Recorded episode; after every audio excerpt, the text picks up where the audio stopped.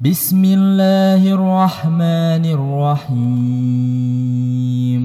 اقرأ باسم ربك الذي خلق خلق الإنسان من علق اقرأ وربك الأكرم الذي علم بالقلم علم الإنسان ما لم يعلم كلا إن الإنسان ليطغى أن رآه استغنى إن إلى ربك الرجعى أرأيت الذي ينهى عبدا إذا صلى أرأيت إن كان على الهدى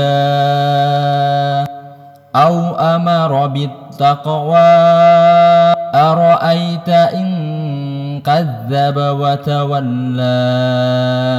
ألم يعلم بأن الله يرى؟